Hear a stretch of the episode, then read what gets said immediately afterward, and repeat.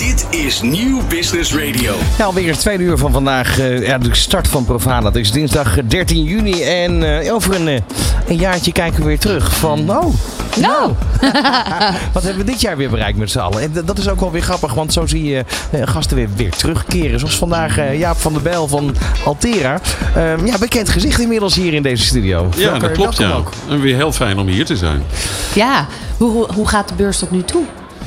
Eigenlijk wel goed. Eh, ik was heel benieuwd. eh, niet zozeer vanwege de temperatuur natuurlijk, maar...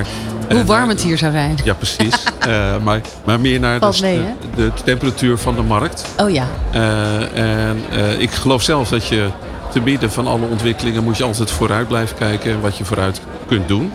En dat proef je nu wel al. Ja, wacht even. Voordat we vooruit gaan kijken, want Ja. inderdaad, we gaan het ook over eh, circulair in 2050 hebben. Maar eh, wat is de temperatuur op dit moment? Eh, het valt uiteen in tweeën. Er is een soort afwachtende houding nog van mensen die het hebben over alle vraagstukken die op de markt zijn. En die zien een crisis. Die zien een crisis of die zien in ieder geval tegenslag of tegenwind.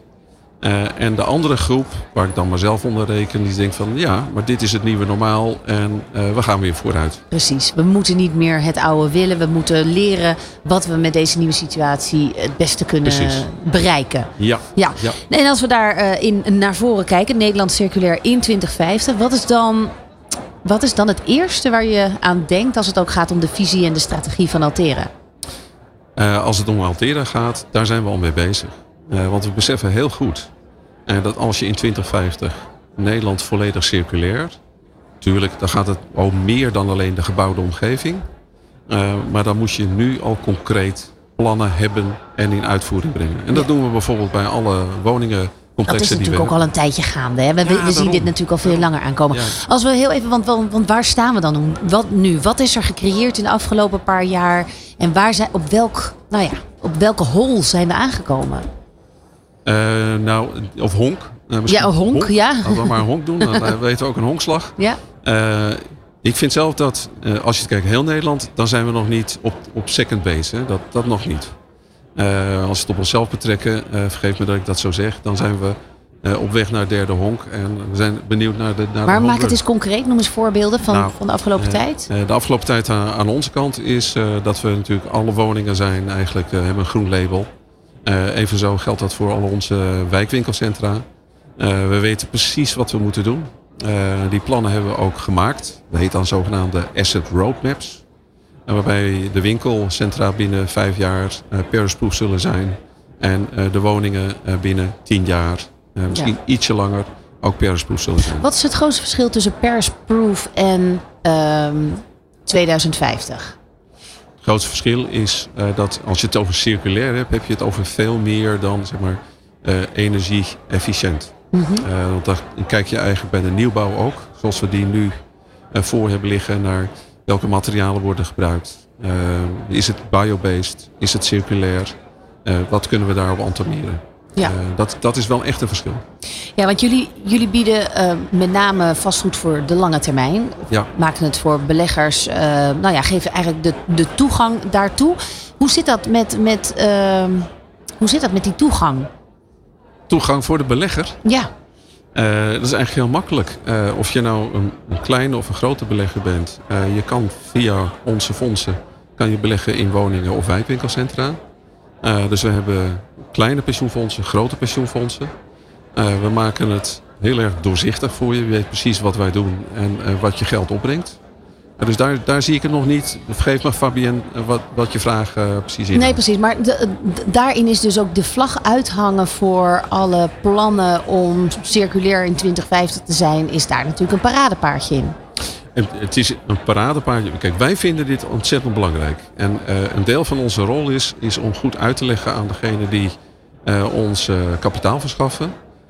waarom het ook voor hun toegevoegde waarde heeft. Dus wat, wat wij zeggen is, Paris-proof, circulair Nederland 2050. eh, dat heeft toegevoegde waarde voor jou als belegger. want het is waardevoller en minder riskant. Het heeft toegevoegde waarde voor de huurder. Laten we de huurder niet vergeten als een belangrijke stakeholder. En het heeft ook toegevoegde waarde voor de maatschappij en de planeet. Dus als je die optelsom maakt, en dat doen we graag, wat goed is voor jou, is ook goed voor de ander. eh, dan eh, heb je een goed pleidooi voor de pensioenfondsen en andere beleggers eh, om geld te allokeren naar ons vastgoed. Ja. ja, want in die eh, vastgoedmarkt spreken we dus dan inderdaad veel over Paris Proof. En waar staat Nederland in dat geheel? Levert die echt een, eh, een goede bijdrage? Ja, je moet het in, twee, in drie stukken helaas opknippen. Eh, we kijken naar de koopwoningenmarkt. En we zien wel dat huiseigenaren, die rekenen gewoon goed uit. Eh, die leggen zonnepanelen, isoleren en dergelijke. Dus dat is denk ik heel verstandig. Dat kunnen Nederlanders goed. Dan heb je de sociale woningen. Eh, die zijn doorgaans ouder. En daardoor minder duurzaam. En daar ligt nog een behoorlijke opgave voor de woningcorporaties om dat naar Paris proefniveau te krijgen. En dan kijk je naar de institutionele markt. En dat deel wat wij bestieren daarbinnen. Eh, en die liggen eigenlijk door de bank genomen voor. Op alles. Eh, omdat we jonger bezit hebben. En al veel eerder zijn gestart met verduurzaming van, van onze portefeuille. Ja, want dat begint dan al bij het ontwerp. Eigenlijk. Het begint bij het ontwerp en het begint ook met hoe je de huurders erbij betrekt eh, uiteindelijk. Want ja, je kan een heel efficiënt gebouw hebben, maar achter de voordeur Ja. eh, wordt de energie verbruikt. Ja. Eh, hoe je dat doet. Kun je daar een voorbeeld van geven hoe je die hu- huurders daarin mee Ja. kan nemen? Ja, we, je hebt gezien natuurlijk. Tot, tot voor kort wist niemand eigenlijk de kilowattprijs per, per vierkante meter. Hè, dat voor per jaar. En nu weten mensen dat wel door de energiecrisis. En wij bieden energiecoaches aan aan eh, bewoners, maar ook aan winkeliers.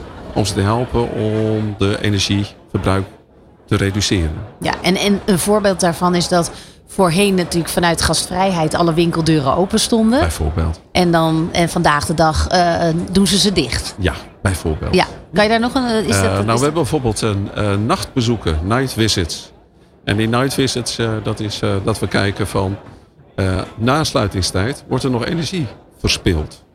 Staat er nog verlichting aan? Staat er nog ergens een ventilator te loeien bij, bij de opening? Eh, dus ook als het niet in bedrijf is, kan je naar kijken. En die night visits zijn ook bedoeld om eh, niet alleen onze, al onze collega's goed mee te nemen in wat je moet doen, maar ook om dat terug te geven aan die winkeliers. Ja, en dat doen die coaches dus. Ook, ja. ja. Wat, wat, wat wordt nu de grootste uitdaging qua energietransitie? Eh, snelheid houden. Eh, kijk, los van dat er regelgeving is die eh, je soms wat in de weg zit. Eh, als je snel zonnepanelen wil leggen op een, op een plat dak. Maar dat even daar gelaten, dat is gewoon waarmee je moet werken. Maar ik geloof dat we nu sneller moeten zijn dan 2030, dan 2050. hè. De Nederlandse Klimaatwet 2030 en Paris Proof 2050, dat zijn van die haltedata. Sneller, want het is in het voordeel van de huurders En waar zit dat dan in, de snelheid? Waar kan je, waar kan je snelheid maken? Of waar kan je snel, ja, regelgeving zeg je net al, maar ja, goed. oké. Eh, maar je, je- dat je jezelf dwingt om heel concreet te zijn. Eh, dus dat wij hebben alle gebouwen onder de loep genomen. Eh, welke maatregelen kan je uitvoeren? Kan je dat dan ook begroten? En kan je vervolgens dat ook in uitvoering brengen? Want als je gaat wachten, dan loop je allerlei risico's. Want we zijn niet de enige die dit willen doen. Dus je kan wachten tot 2029, maar dan ben je te laat. Want dan zijn de materialen er niet, de monteurs er niet. En dan loop je zomaar over die datum van 2030 heen. En dan ben je eigenlijk niet, voldoe je niet aan de regelgeving. Nou, dat is onzin. Dus wat je ziet komen, daarop vooruit eh, eh, denken en vooruit doen. Daar komt het steeds op neer. En eigenlijk is er dus geen hindernis. Hè? Tuurlijk, er zijn contexten. zoals ik zeg, die regelgeving. Maar het begint vooral bij jezelf. Maak Ja. een plan en, ga, en kom in actie. Precies. Als projectontwikkelaar. Projectontwikkelaar, belegger. Ja, precies. Ja. En daar eh, verwacht jij op de beurs ook nog daarin nieuwe dingen te horen waar die snelheid mee gemaakt kan worden? Het is, dit is namelijk het mens, het menselijke deel wat je benoemt, maar Ja. zijn er nog andere? dus het, eh, het acteren ergens op en nou ja, Nou het gedrag. Maar is, er zijn er nog andere dingen die snelheid kunnen, kunnen provoceren? Ehm, hopelijk zijn er wat technologische eh, eh, innovaties die ons daarbij kunnen helpen. Ik ben zelf wel fan van eh, gevelzonnepanelen. Dat, dat, dat, is een techniek die voortschrijdt. Eh, maar daarnaast gaat het in een beurs zoals dit om dat je ook met elkaar, met partners, bijvoorbeeld van wijnen, dat je dan de samenwerking kunt beklinken, zodat je je capaciteit hebt veiliggesteld eh, om al die maatregelen in uitvoering te brengen. Ja, want die van Wijnen, als ik het goed heb gelezen, die gaan nu kijken naar niet alleen maar wat vanuit de markt bedacht wordt, wat eventueel goed is voor een huis, maar ook andersom, dat ze de, de participatie van de bewoners daarin meenemen. Precies. Uh, dat is een goed punt dat je dat benoemt. Uh, want het, het, gaat altijd om mensen. we hebben al eerder op alle eensgezinswoningen zonnepanelen gelegd. En toen ook al gemerkt dat een aantal bewoners zeiden... nou, voor mij hoeft het niet. Mm -hmm. Dus die participatie, zeker ook als je met appartementsgebouwen aan de slag gaat... je moet mensen goed meenemen. En ik denk dat met, met zo'n partij kan je de vertraging voorkomen. En in die zin zorg je voor, ja. voor snelheid. Ja, als de bewoners met de neuzen dezelfde kant op staan dan, uh, en, en het ja. gevoel hebben dat ze mee mogen denken, Precies. dan ja. is er natuurlijk al snel acceptatie. Zijn er gesprekken met de, de politiek, zowel lokaal als misschien provinciaal of landelijk, veranderd de afgelopen twee jaar? Uh, dus dus op het moment dat er vastgoedprojecten eigenlijk hè, in de koker zitten, dat je het er doorheen wil krijgen, dat je iets wil initiëren, Merk je daar een versnelling? Of Die processen. Merk je daar dat de processen nog ingewikkelder zijn geworden met nog meer wetgeving? Eh, dan gaan we het nog niet eens hebben over stikstof. Misschien moet je dat wel doen. Eh, een gevoelig onderwerp merk ja. ik aan iedereen. En, en, bedoel, dus wij gaan het er juist over hebben. Dat is ook alweer uh, Lijkt me ook. 2050 uh, mooie stip aan de horizon. Maar ik ben wel benieuwd hoe jullie daarnaar kijken. De gesprekken zijn niet moeilijker geworden. Wat heel positief is, vind ik, is dat de gesprekken wel intensiever zijn geworden. Uh, want iedereen probeert als het ware die keten aan elkaar te krijgen. Uh, ik zit zelf bijvoorbeeld in de Haagse tafel wonen. Uh, wat eigenlijk een verband is van ontwikkelaars, bouwers, corporaties, beleggers en de gemeente. En ik vind dat een goed voorbeeld dat je zegt... maar als we echt tot zaken willen komen... hoe krijg je dan de snelheid in de procedures bijvoorbeeld? Ja. ja. En, en, zeker nu de regelgeving toch wat duidelijker naar voren komt... dan weet je ook waar je aan toe bent. Uh, en dan moet de houding zijn van oké, als we dat dan weten, uh, ga er nou niet lang over zitten jammeren, hm. want dat helpt niet. Uh, dus... maar, maar, weet je nog wel op welke regelgeving je wil focussen? Want ik bedoel, we hebben het er net ook over gehad. En het is nou helemaal steeds duidelijker dat de regelgeving die uiteindelijk vanuit Europa komt, de Nederlandse regelgeving gaat overrulen als het ware. Mm -hmm. maar hier ondertussen zijn we aan het rennen en maar waarheen? ja, oké. Maar ja. dat is dan wat ik wel eens de hindernissenbaan noem van allerlei vraagstukken die niet direct uh, met bijvoorbeeld de woningbouw te maken hebben. Nee, maar goed, stikstof heeft effect op de woningbouw. Zeker. Uh, dus dan zit je eigenlijk, uh, kom je bij het onderwerp de grote verbouwing van Nederland. en waar je ziet wel, om terug te komen op die eerste vraag, is dat er nu binnen gemeentes en ook binnen provincies heel gericht wordt gepraat over waar, waar kan het dan wel? Te midden van die dossiers die nog openstaan. Hm helaas openstaan. Maar eh, ook en daar dan, kunnen we, en dan maar inzoomen op de details. Hoe kunnen we, hoe kunnen we gewoon op kleine um, vierkante meters winst maken, snelheid inbouwen. Um, want al die kleine veranderingen zorgen ook voor een grote verandering. Elke woning telt. Precies. Ja, en wat ik hierbij hoor is dat er genoeg bereidwilligheid is vanuit de gemeentes. Dus zeker bereidwilligheid. En de kunst is dus dat je uh, heel open bent in elkaars belangen. Dat je zegt van, ja, ik beleg voor pensioenfondsen. Uh, dus het, het, kan niet zo zijn dat het een soort verhaal wordt van als jij nou minder rendement doorgeeft aan die pensioenfondsen.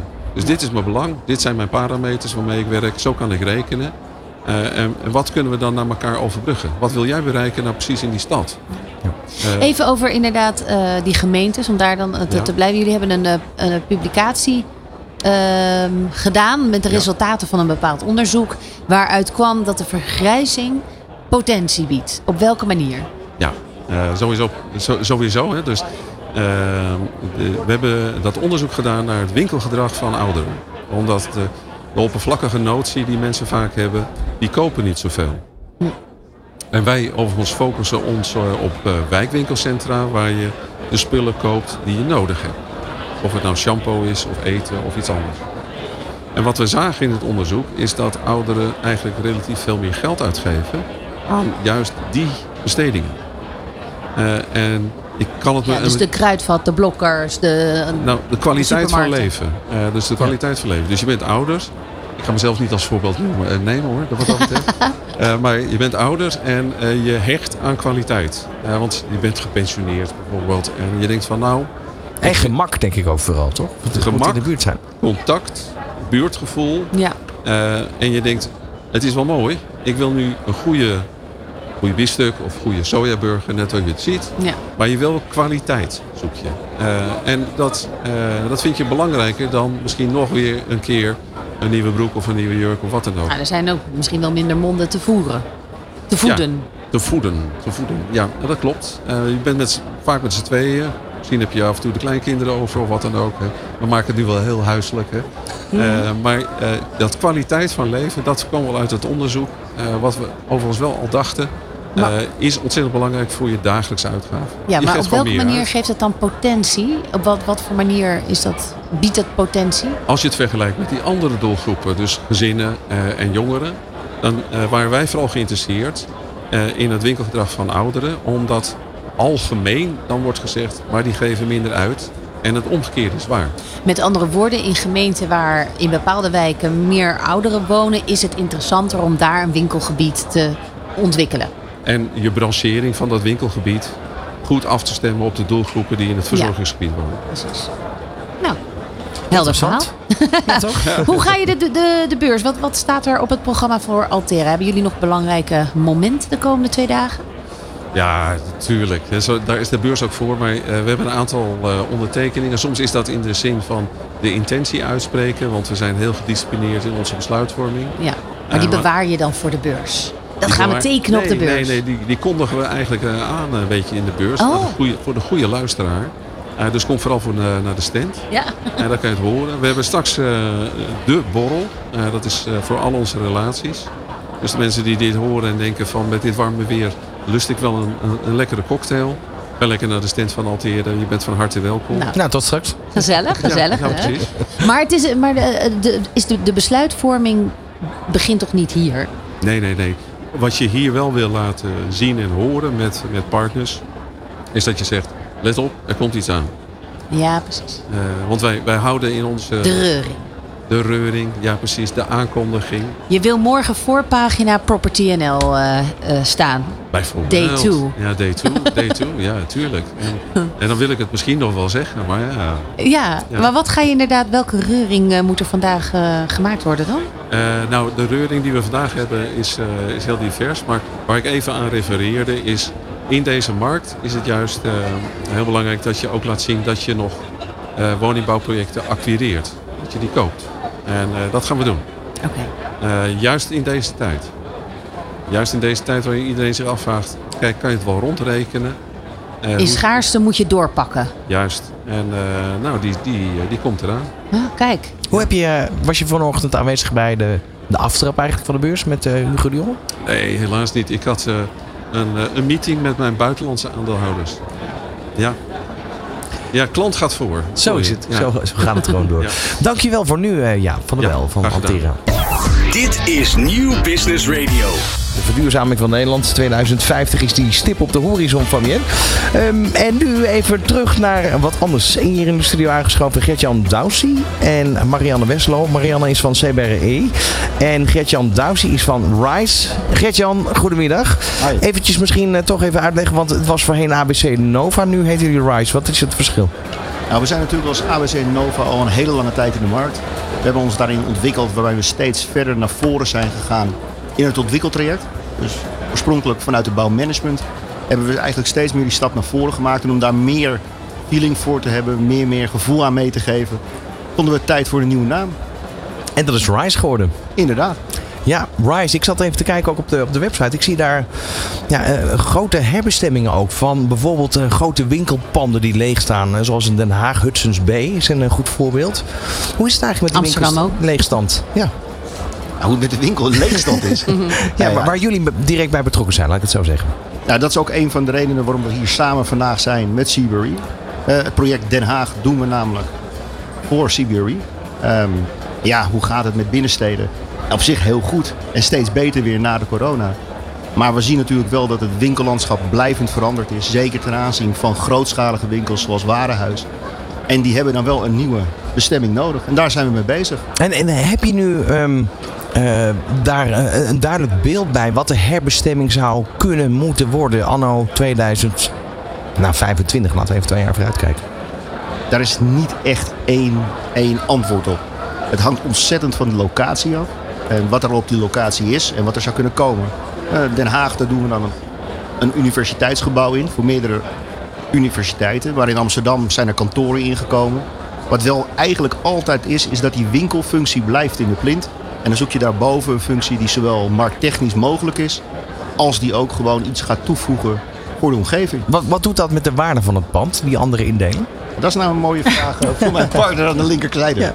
Nou, Ja, de waarde van het pand, dat gaat op zich, eh, is natuurlijk weer afhankelijk van de invulling. Je zou kunnen zeggen dat de verdiepingen van eh, retail, die hadden natuurlijk niet altijd even een even hoge waarde. Ehm, en, eh, maar ja, als ze leegkomen, dan hebben ze helemaal eigenlijk geen waarde. En eh, door een goede herbestemming kun je zeker wel weer waarde toevoegen. m- maar, maar is Maar die kost waarde... wel heel veel, het, je moet er wel eerst wel heel veel geld in stoppen. Dat is wel wat eh, speelt. Is die waarde gelijkwaardig dan bijvoorbeeld dat er totaal retail in zo'n pand zit? Of is dat, is het anders? Hoe, hoe kan je dat vergelijken? Ja, dat is moeilijk te vergelijken. De waarde, uiteindelijk doe je het. Want als, het, als je er uiteindelijk heel veel geld op verliest, dan zou je dat soort investeringen niet, niet doen. Maar op de beste plekken, eh, dus met name in de, in de hart van de grote binnensteden, eh, daar is het mogelijk om wel weer waarde toe te voegen op die verdiepingen. Maar het is niet op elke plek eh, mogelijk. En vooral ook omdat je, ja, zoals het pand in Den Haag ook, dat is een enorm groot pand. Ehm, en uiteindelijk moet je al die meters moet je raken door te slopen, door te bouwen, atrium erin te maken, Ik heb het idee dat te maken. Dat retail wel meer ehm, sloopt als het ware binnen in een, in een pand dan kantoren. Ja, vaak inderdaad, van als je van een hele grote retailvloer, zo'n zo'n grote warenhuisvloer, ja, als je daar naar woningen wil, ja, dan verlies je heel veel meters. Want je moet ook heel veel buitenruimte toevoegen. Ehm, en voor de universiteit, ook daar eh, maken we natuurlijk een heel mooi atrium. Moet je zorgen dat al die verdiepingen goed Ja. ontsloten kunnen worden. Dus ja, je sloopt ook meters, maar je brengt wel iets beters voor terug. Hoe zit het met het shop-in-shop eh, concept? Want dat is natuurlijk waar een warenhuis als Ba- de Bijenkorf eh, volop in is gedoken. Ja.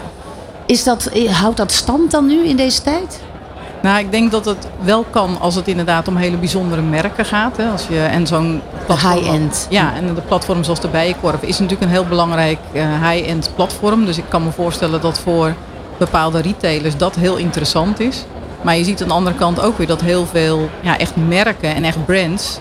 dat die eigenlijk eigen winkels zijn gaan openen. Want die hebben natuurlijk door online zijn ze supergoed vindbaar voor de consument. Eh, dus er zijn ook merken die zeggen van ja, ik wil niet meer afhankelijk zijn van een retailer. Ik wil gewoon Ja. zelf rechtstreeks aan de klant De welbekende pop-up shops ook. Nou, of, of de flagship stores, hè, zoals Oh ja. bijvoorbeeld een Nike doet. Maar zo zijn er nog veel meer die zeggen van ja, ik wil gewoon laten zien wie ik ben als merk. En dan wil ik niet beïnvloed worden door een retailer. Dus ja, het is heel erg verschillend eh, per, per merk. We hebben het over de waardevolle binnenstad. Ehm, nou, volgens jou Gert-Jan is- zijn dat inclusieve binnensteden. Hoe, hoe zou je die omschrijven? Nou, het heeft ermee te maken dat, zeker in de relatie zoals we net hadden met winkels, dat binnensteden heel lang gezien werden als een soort, soort ja, winkelcentrum. En als je het echt over een waardevolle binnenstad hebt, dan betekent dat juist dat er andere functies bij komen. En dat je dus ook verschillende gebruikersgroepen daarin in, in gaat samenvoegen. Dat is goed voor de beleving, maar het is ook goed voor de, ja, voor de, voor de doorbloeding van zo'n gebied. En dat is eigenlijk waar retail ook op draait. Dus zo'n binnenstad moet inclusief zijn. Dat betekent dat er verschillende soorten mensen zijn met verschillende soorten doelen.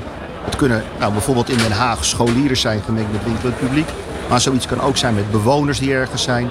Of misschien juist wel eh, oudere en jongere mensen door elkaar. Waarbij zo'n gebied veel meer kleur krijgt. En daarmee veel meer voelt als een...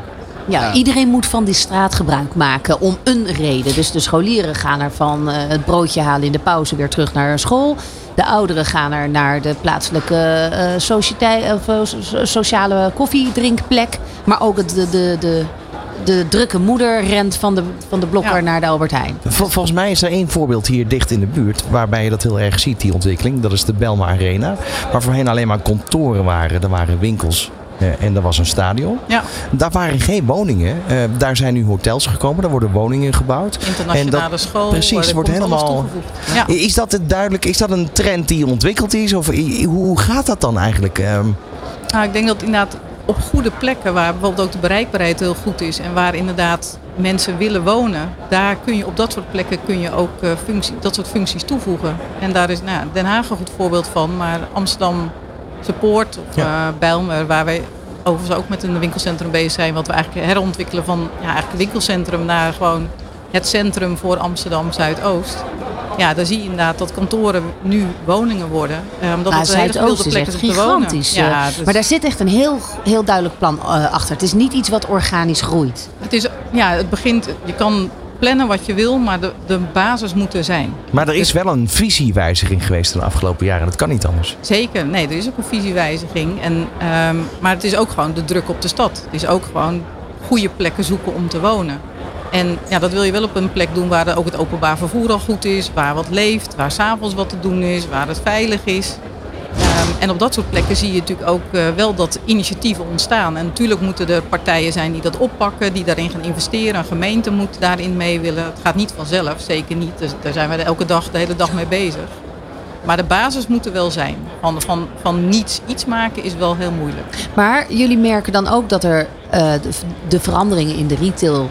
Dat is, heeft natuurlijk met het online koopgedrag eh, te maken. Dat die zorgen voor leegstand. Maar ook in een nasluitingstijd. Wat, wat wordt daarmee bedoeld dan? Dat na sluitingstijd eigenlijk de binnenstad dan verandert. Normaal gesproken was dat dan een soort donker gat. Ja, nou je ziet even als voorbeeld bijvoorbeeld Rotterdam. Daar wordt eigenlijk in die stad, in de binnenstad wordt vrij weinig gewoond. Ehm, en daar wordt nu in geïnvesteerd. Daar komen veel meer woningen terug. Dus als je normaal in het hartje Rotterdam Centrum, daar gebeurde niet zoveel. Maar nu wordt er weer meer gewoond. Nu komen er weer andere functies terug. Ja, dan heb je gewoon eh 19 uur per dag heb je gewoon reuring. En wat levert het uiteindelijk op? Wat is het doel? Nou, het doel in de basis is dat je mooie plekken maakt. Waar mooie plekken maakt waar mensen zich thuis voelen en waar ze hun tijd besteden, waar ze elkaar ontmoeten, dat is de basis.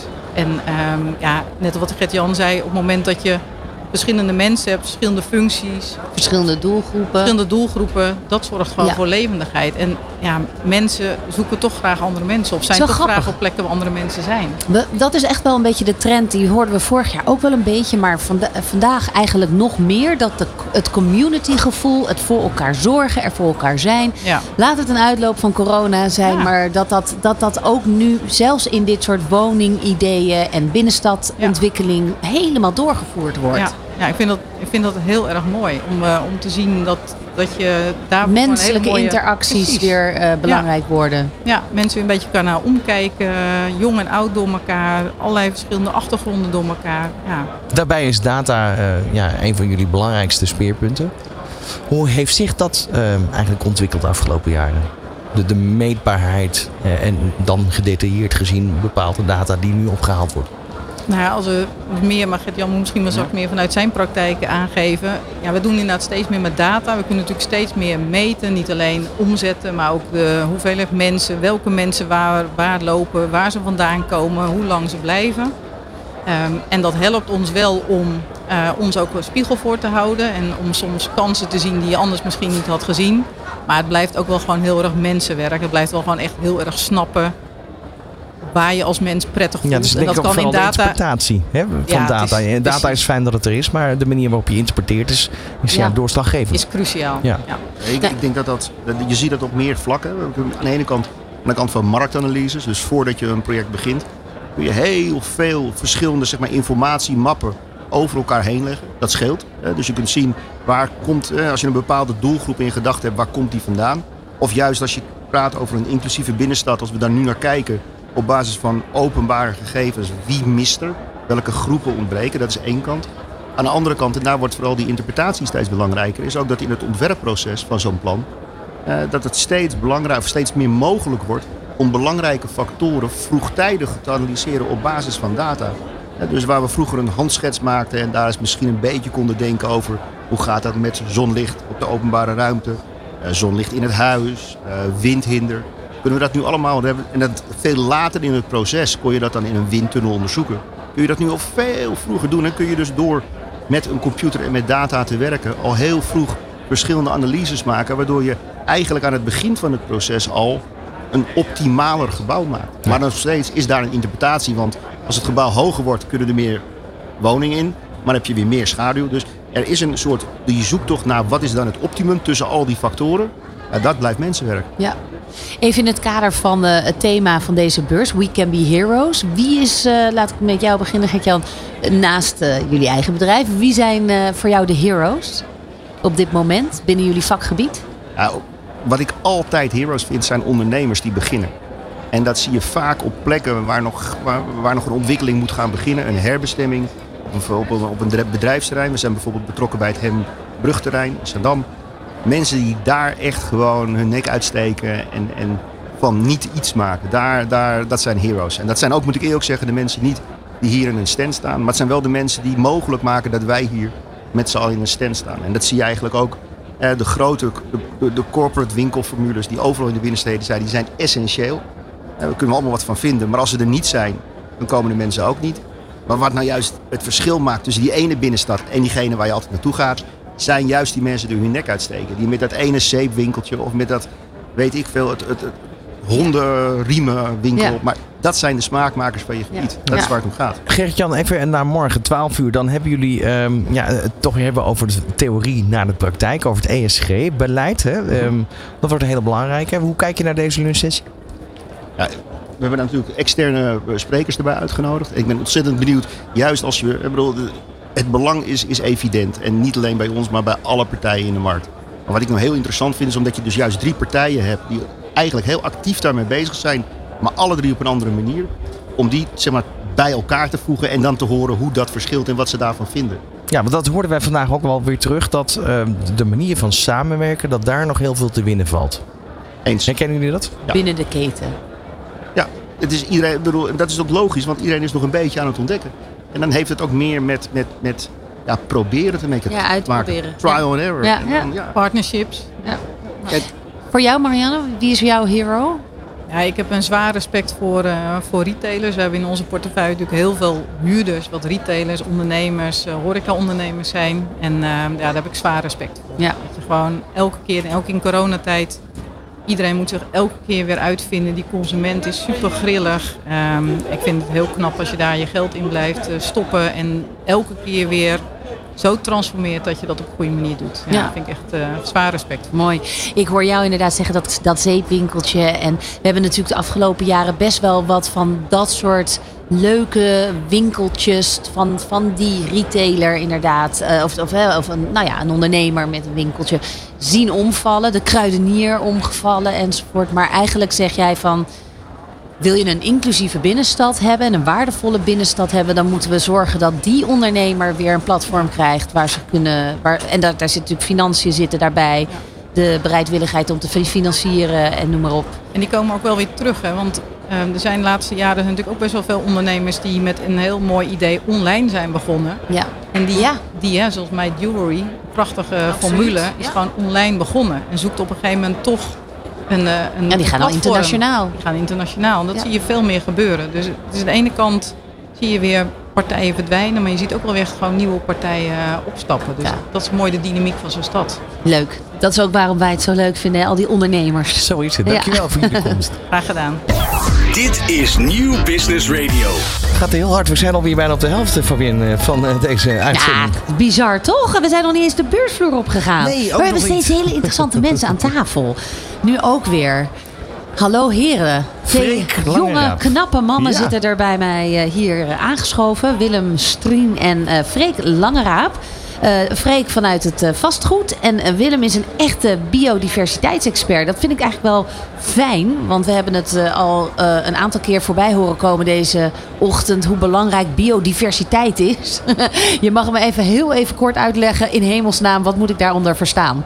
Ja, het is, het is een heel lastig onderwerp. Maar eigenlijk... Je mag, mag echt dicht tegen de microfoon aan. Dan hoort iedereen je. Het is een heel lastig onderwerp. Maar eigenlijk komt het op neer dat het 5 voor 12 is. We merken allerlei zaken dat het heel slecht met de biodiversiteit gaat. En daarmee ontstaat eigenlijk een, een, probleem met onze buffers die we in de natuur hebben, die heel belangrijk zijn. Dus alles wordt, als dit zo doorzet, lastiger. Voedselproductie, de afbraak van afval, um, plagen. En we moeten nu echt die buffers weer terug gaan brengen. En dat kan ook in de stad. En vandaar dat wij hier zijn op de vastgoedbeurs, om dat ja. daar te beïnvloeden. En dan is de grote vraag. Ik hoor dat best wel vaak al. Of ja. althans al best wel lang hoor ik het is 5 voor 12. Hoe lang kan het 5 voor 12 precies. zijn? Precies, maar dan is de, de grote vraag. Hoe toekomstbestendig is vastgoed op die moment? Nou ja, we, we hebben allemaal dit probleem veroorzaakt door alles wat we doen. Hè? Dus iedereen moet nu zijn steentje gaan bijdragen. En je kan argumenteren of dat op het platteland moet, in, in de transportsector, in de olie en gas. ook in de stad moeten we dit gewoon aanpakken. Op alle, alle vlakken moet dit aangepakt worden. Hoe kan het in de stad aangepakt worden? Waar zit hem dat in? Nou, eigenlijk is het een unieke kans. Want buiten de stad hebben we de, de landbouw. Nou, daar zijn best wel druk op in Nederland. Hè? Ehm, maar in de stad heb je eigenlijk heel veel oppervlaktes die ongebruikt zijn. Daar kunnen gewoon groenwanden op, platte daken, kan, kan beplant worden. En we kunnen dus heel veel oppervlakte creëren met eigenlijk gratis ecosysteem. Waar dus insecten, vogels, alles aan de slag kan. Zonder alle drukken van pesticiden Ja. en dat soort zaken. Ja, het, is, het gaat niet makkelijk. Wij, wij hebben sedum op ons dak eh, liggen. Maar als ik daar de buurt in eh, mee wil nemen, dan moet ik dus echt. Ik woon in Amsterdam, eh, vlak hier bij de Rai. Dan, ik weet niet eens waar ik moet beginnen. Gemeentelijk dan om een wijk mee te krijgen. Dan wel mensen. We moeten zelf, wij hebben het zelf betaald. Maar hoe in hemels, waar begin je?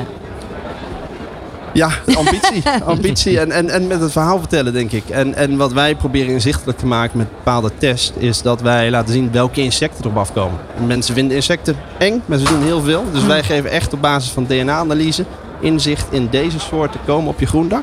En daarmee kan je misschien beïnvloeden en het leuk maken. Maar zo'n Albert Heijn doet dat, hè, door inderdaad van die tuintjes weg te geven van, Ja. voor de bijen en de vlinders, et cetera. Ehm, een praxis zie ik dat doen. Hè. Dit zijn de bijen, de, de vlindervangers of, of aantrekkers. Ja. Maar dat lijkt zo pff, een druppel op een gloeiende plaat. Ja, maar alles wat we hebben gedaan heeft ons hier gebracht. Dus ook kleine, kleine elementjes helpen. En het gaat om beïnvloeden. Als je, als je naar de toekomst kijkt en je stelt je voor dat alle steden groene wanden hebben, groene daken, dan ga je denk ik wel inzien dat dat een grote impact heeft. Ja, want wat, vanuit de vastgoed zit jij eh, hier. Ja. Freek. Eh, of, eh, ja, Freek. Ehm, vertel, wat, wat, ehm, wat doet CS, CGS? C- S- SGS. S, ja, dat, daar komt mijn dyslexie om de hoek kijken. Ehm, wat doen jullie precies? Eh, wij adviseren vastgoedeigenaren, asset managers eigenlijk op technisch en milieukundig gebied. Eh, om hun vastgoed technisch op orde, brandveilig, eh, nou, noem het maar op te maken. Lijkt me een mooie specialisatie binnen dit landschap. Dat klopt. En daarbij komt duurzaamheid en dus ook biodiversiteit wat ons betreft eh, steeds meer op de agenda. Dus het toverwoord al een aantal jaren in de sector is ESG. Hè. Dus je hoort overal, iedereen is bezig met ESG-rapportages en doelen te adopteren. Het gaat vooral over energie. En daar heb je strategie voor nodig. Ja, en voor, ja, strategie, maar vooral ook eh, iets, iets, gaan, iets gaan doen. ja, dus zeker. het eh, moet geen papierenhandel worden. Nee, want wat, wat zijn de stappen die jullie daadwerkelijk doen als jullie ehm, een opdracht mogen uitvoeren? Ja, wij helpen eh, gebouweigenaren om eigenlijk via een soort nulmeting inzichtelijk te maken hoe staat een gebouw er nu bij en wat kun je nou echt concreet doen volgend jaar om het beter te doen dan dit jaar. Dus dikke plannen en mooie rapporten die zijn er genoeg. Alleen er zijn maar weinig partijen die echt concreet op steentjesniveau kunnen adviseren. Hier moet je je geld in stoppen, hier wordt het beter van. En wat wij zien, ook in combinatie met de dienstverlening van Willem, is dat biodiversiteit eigenlijk helemaal niet op het programma staat, terwijl je het vrij makkelijk kan toevoegen. Bijvoorbeeld door natuurinclusief te gaan bouwen.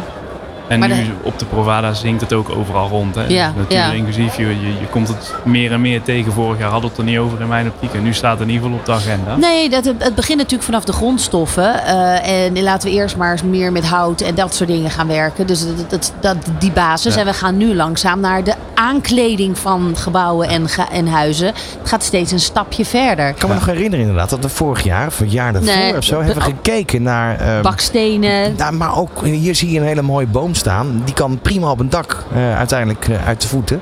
Dat was toen nog helemaal nieuw. Ja. Ja, maar goed, dus die, die, dat, het moet op de agenda staan. Dat heeft met communicatie te maken. Maar hoe zit het met geld? Want is het een eh, verduurzaming kost geld? Is dat een obstakel? Ja, ik denk wel dat daar echt een verandering aan de gang is. Dus de noodzaak die Willem omschrijft, die merken wij in ieder geval zeker ook aan de investeerderskant. Nieuwe fondsen, daarin is duurzaamheid echt niet meer weg te denken. Dus waar het vroeger alleen een kostenpost was, is het al lang niet meer. Nee, maar duurzaamheid is stap 1 en biodiversiteit is stap, is stap 2.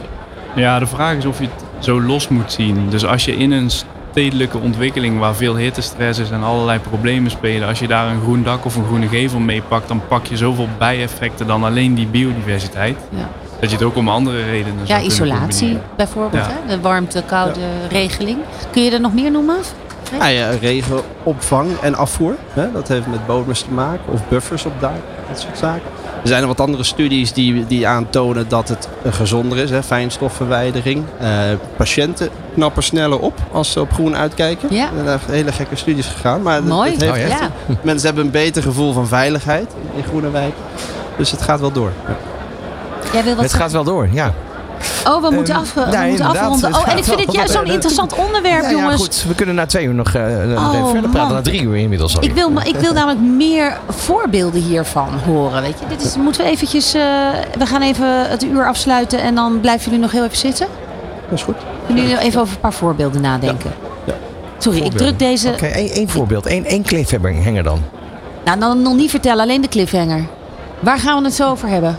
Over een gigantische, ehm, eh, eh, wat je met bloemenweiders kan doen. Kijk. Laten we dat uitleggen. Dat is beter. I love it. Dit is Nieuw Business Radio.